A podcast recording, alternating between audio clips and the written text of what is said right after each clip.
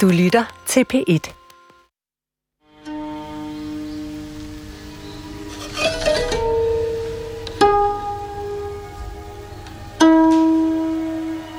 Jeg ringer ind til rådgiverne, og så øhm, fortæller jeg, at jeg lige har talt med Rane, og han har ringet fra det her øh, flådefartøj, hvor de er kommet i sikkerhed, og de har det godt.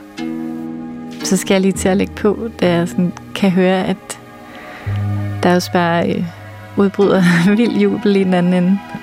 Det, det var måske også først der, at de fik at vide, at nu er de i sikkerhed, og de er så godt mod, så de faktisk kan ringe hjem og høre en samtale.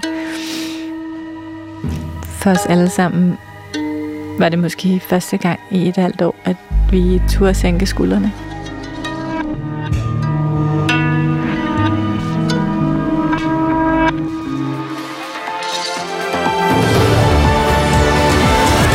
Stor glæde. Det er der ingen tvivl om. Øh, det har været et helvede både for øh, familien, øh, der er blevet taget til fange, de to gaster, og for de pårørende, der er gået herhjemme og ikke anet, om de nogensinde fik deres kære at se igen. Men nu er helvedet slut. Familien, der i et halvt år har siddet fanget hos somaliske pirater, er nu på vej hjem.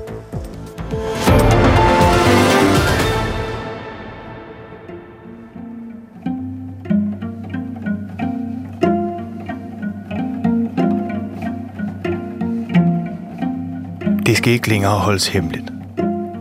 Det lykkedes. Marit er slut, og Rane og de andre besætningsmedlemmer er ikke længere gisler. De er fri, og med hjælp fra alt fra rådgiver, Navy Seals, forsikringsselskaber og ikke mindst deres familier, er de nu godt på vej til at komme hjem. Det her er sidste afsnit af Kabret.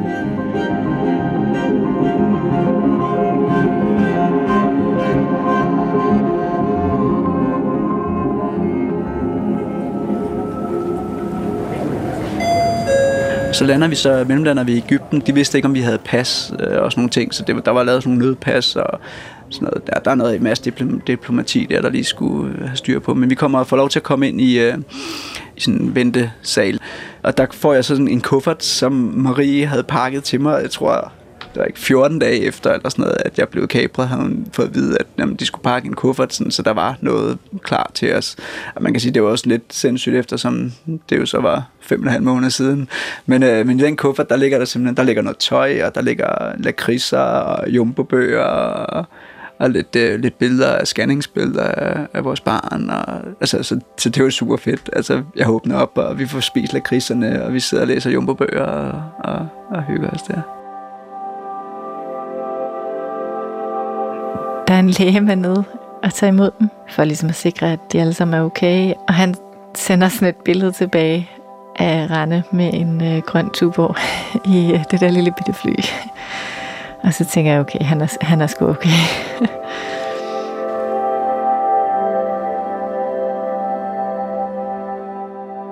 vi skal mødes med Arne og de andre, hvor vi skal være et par dage, lige at trække vejret sammen, og hvor vi kan være i fred fra pressen og alle mulige andre.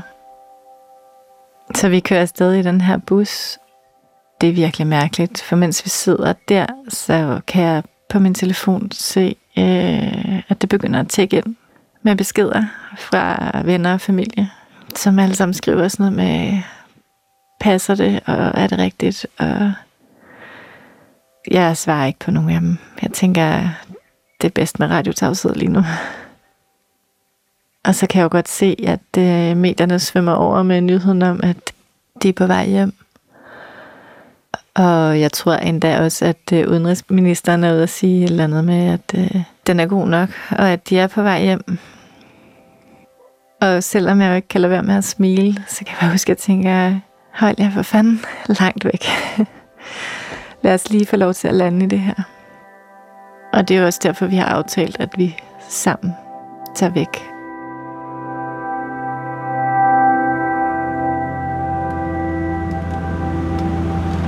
Jeg kan huske, at jeg sidder der i det der flyver der og kigger ned på alle lysene og æder en croissant, øh, som der åbenbart var med i flyet. Øh, der jeg kigger bare og tænker, det, det er meget mærkeligt det her. Og så kommer vi, øh, kommer ud af flyveren, og der er en bus, der så henter os, og så kører os hen til, til det sted, hvor vi ligesom vi skal mødes med familierne. Altså, vi er jo kun syv mennesker i den bus der, eller sådan noget, plus buschauffør og lidt andet. Og kører, kører afsted, ikke? Og så, og så bliver vi sat af, og, og så står de jo så der lige pludselig. Og så øh, er der bare fyldt med mennesker, ja. Og Marie, hun står og, og tager imod mig.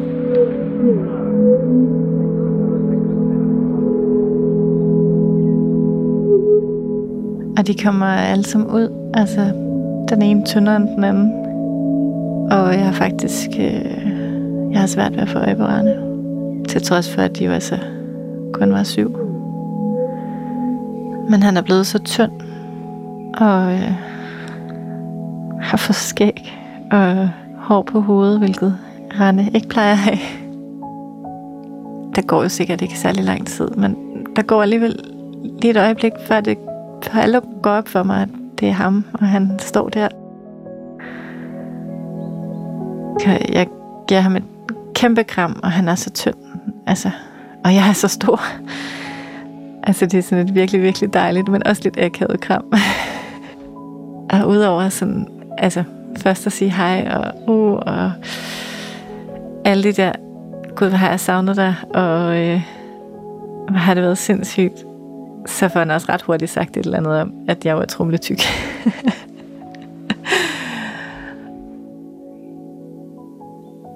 og så kender jeg ham igen.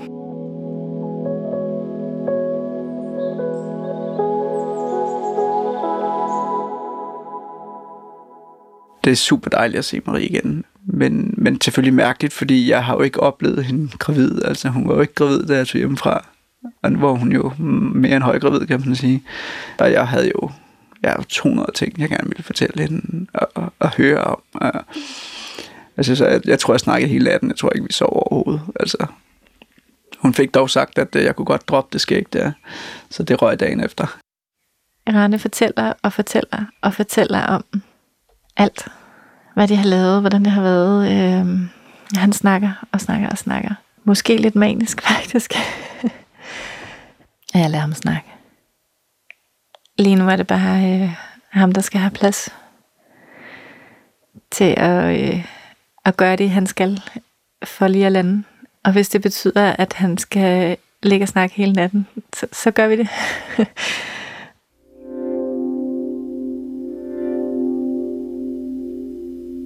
det sted, hvor vi er, der er sådan et spisested lige nærheden af. Der bliver lavet sådan en intimistisk middag dagen efter de lander.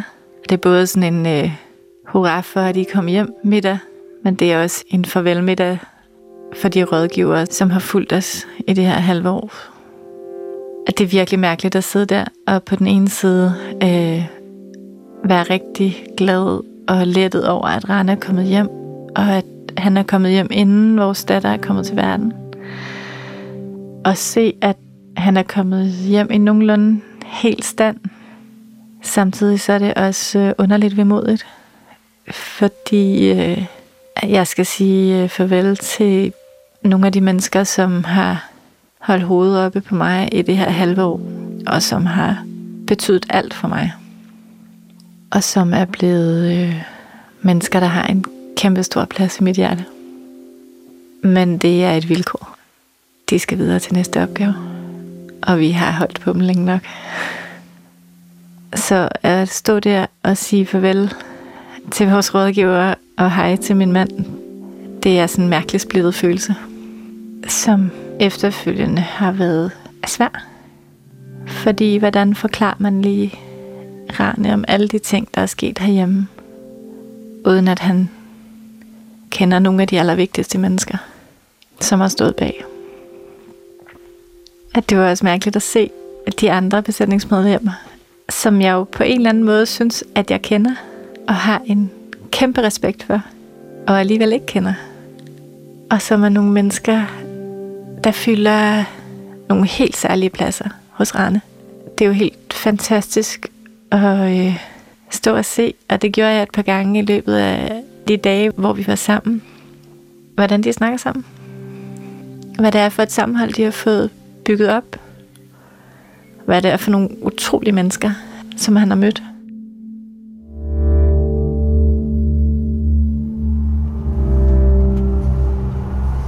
Næste dag, øh, der kører bussen hjem, og så kan vi komme hjem til os selv. Ikke? Øh, familien skal hjem til deres hus, og mig og den anden gæst, vi skal hjem til vores. Så stopper vi og sætter familien af der.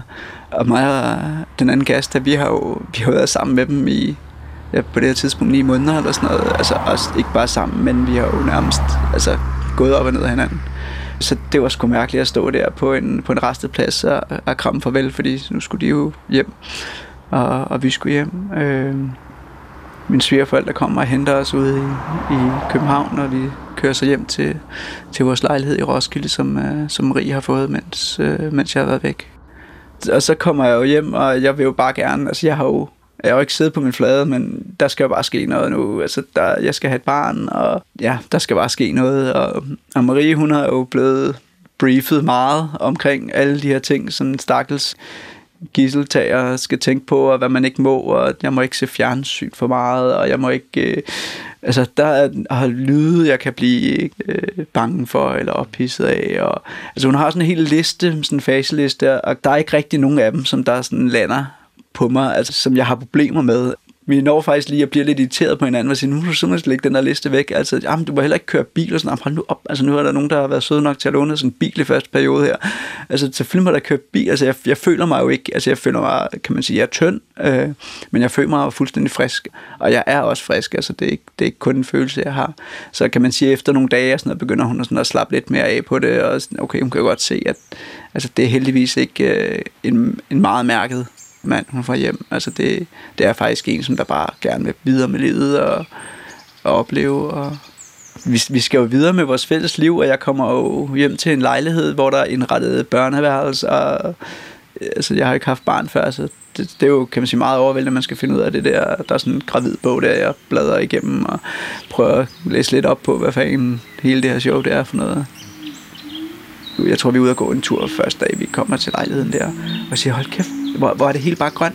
Altså, altså, jeg har ikke set noget grønt i ni måneder eller sådan noget, eller i hvert fald i hele Somalia-perioden, der var det jo bare tørt, tørt, tørt, eller så var det vand.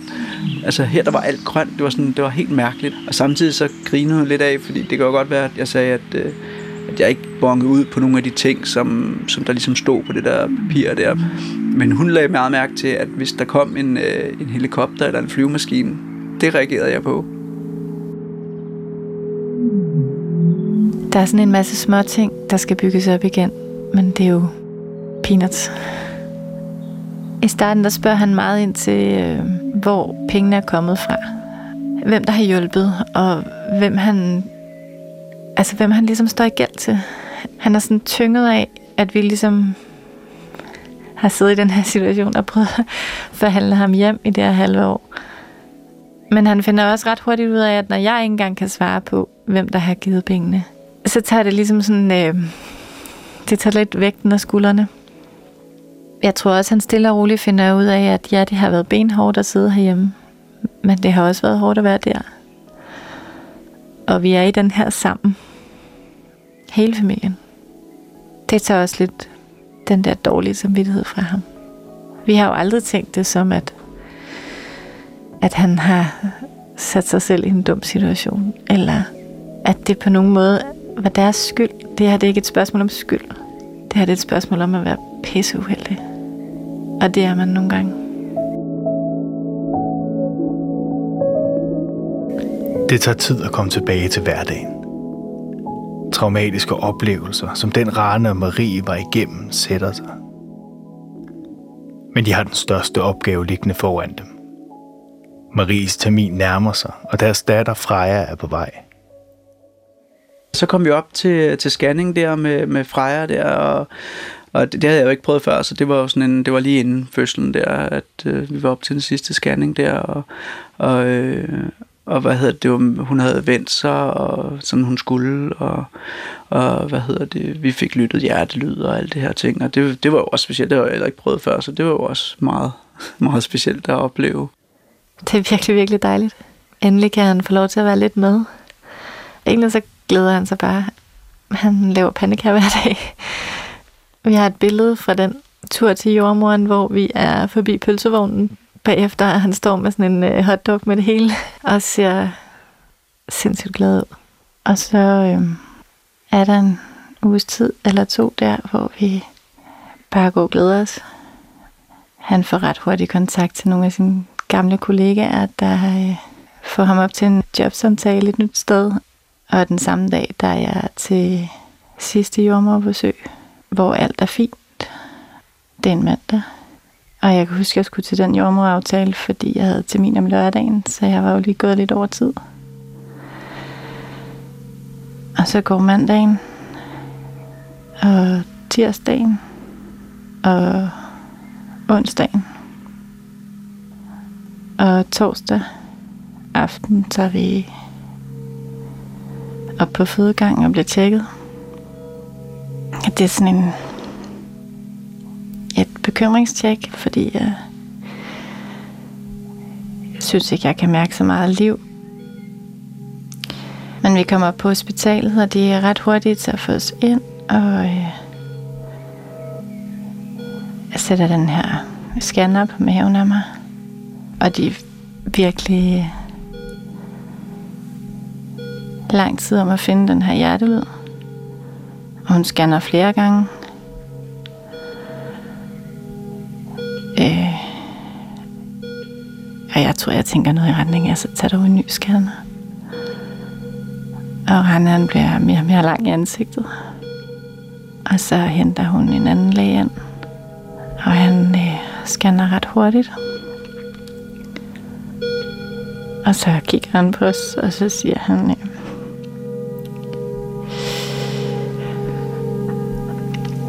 og så siger han, jeg er ked af det, men øh, der er ikke nogen hjertelød.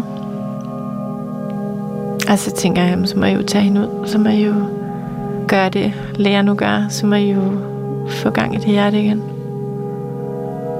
Og han kigger på os længe, og så siger han, øh, hun er død. Det er bare ikke til at bære. Altså, Maria er jo helt knust, og det er jeg jo også. Jeg kan huske, jeg... Jeg ringer til, til Maries far og, og fortæller det. Og han er jo også helt, helt knust, ikke? Så, øh, men altså, der er, jo ikke, der er jo ikke så meget at gøre. Altså, øh, så vi kommer så en dagen efter, og, og så får vi så født Freja, som der desværre er dødfødt. Øhm, så det, det var jo ikke meningen, at det var sådan, det skulle slutte. Altså, så meget lort bør man ikke få. Men altså, det har jo så også lært os, at øh, jamen, der er ikke en kvote for lort. Altså, der er ikke en kvote for, at jamen, fordi jeg er blevet kørt ned i dag, så bliver jeg ikke kørt ned i morgen. Altså, det, det er der ikke. Så man skal passe på hinanden, ikke? Vi møder en sorg, og jeg møder en sorg og en afmagt, som jeg ikke engang i det halve år, Anders har siddet i Somalia har mødt. Altså det her, det er jo det er jo noget, vi ikke kan gøre noget ved.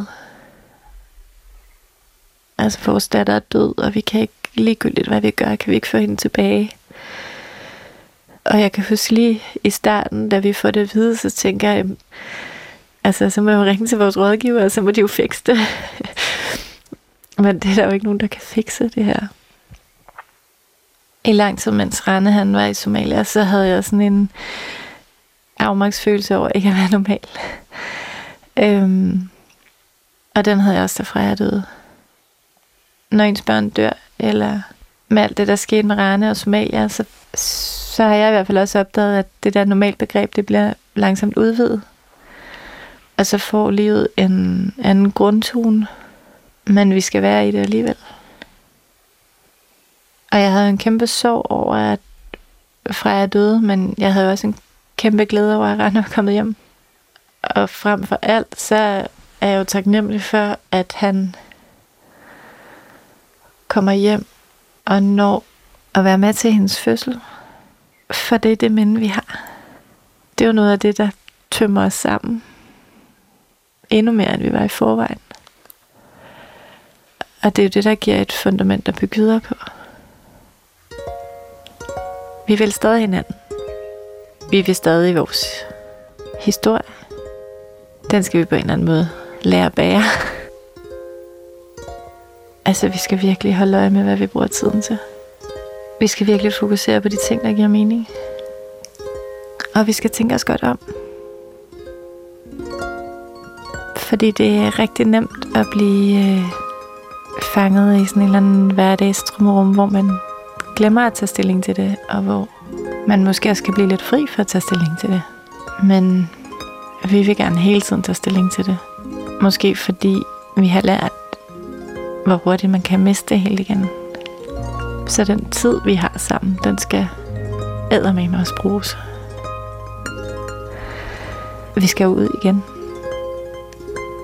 Vi skal bare lige finde ud af, hvordan og hvornår. Have samlet mod til det, og have samlet penge til det. Og så vil vi også gerne have nogle flere børn, som skal med ud og se verden sammen med os.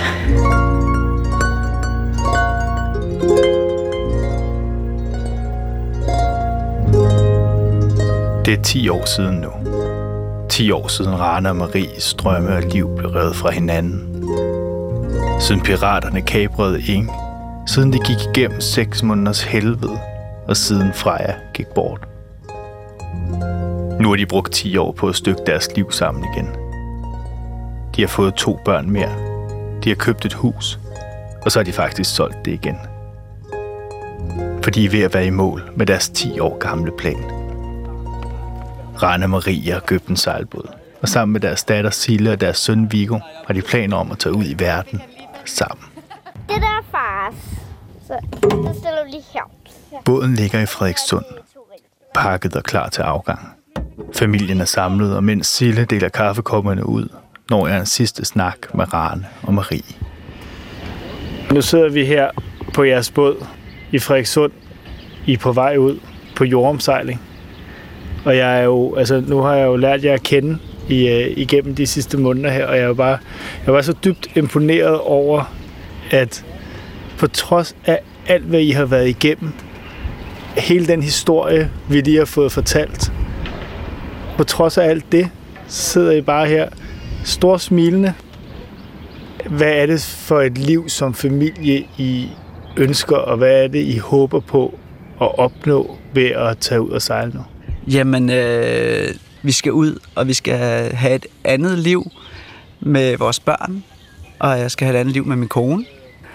Og vi skal have så mange oplevelser, som vi overhovedet kan putte ind på kontoen. Vi vil gerne vise nogle andre ting. Også hvordan andre folk lever, og hvordan, hvor privilegeret vi egentlig er. Altså, hvor privilegeret er det ikke det her, at 10 år efter jeg kommer hjem, mister min datter, har siddet som gissel i Somalia, kommer hjem uden en rød reje på lommen.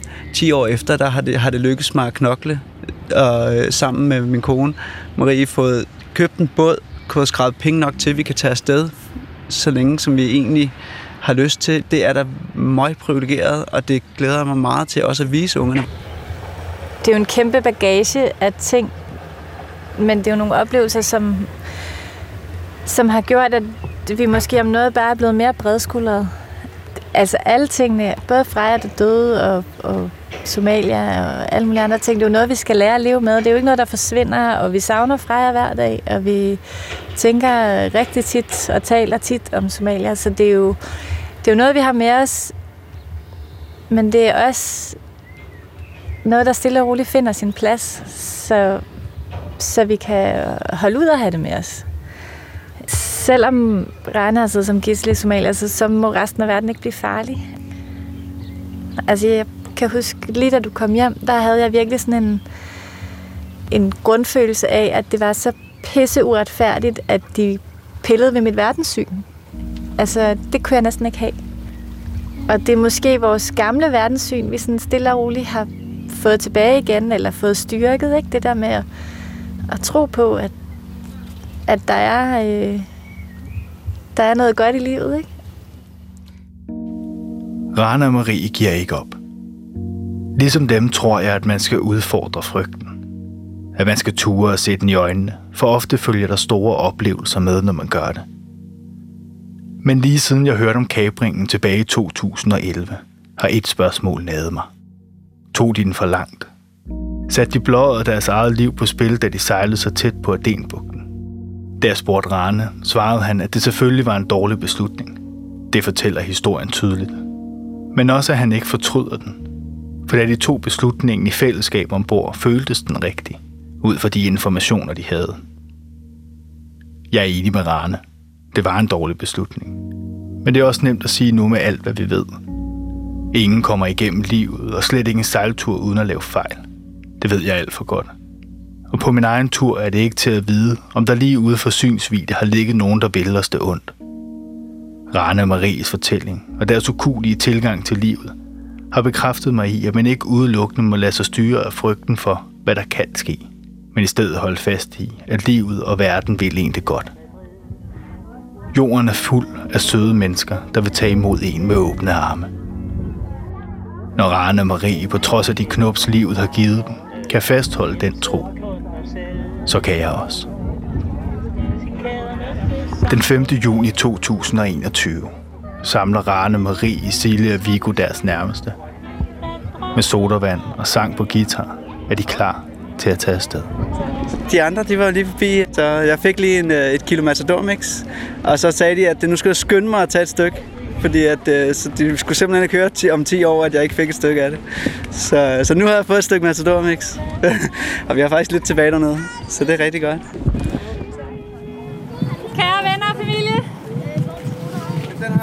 Fordi at øh, I alle sammen kom og sender os afsted på eventyr. Det er vi virkelig, virkelig glade for. Vi er også lidt rørende. 10 års øh, hårdt arbejde, det øh, lykkes nu. Men det er også lidt vemodigt. Det har sgu været hårdt arbejde. Nu skal vi nyde frugterne. Kan I have det rigtig godt alle sammen? Så, godt. Lav kan gro utan ord. Den kan skilles fra vindens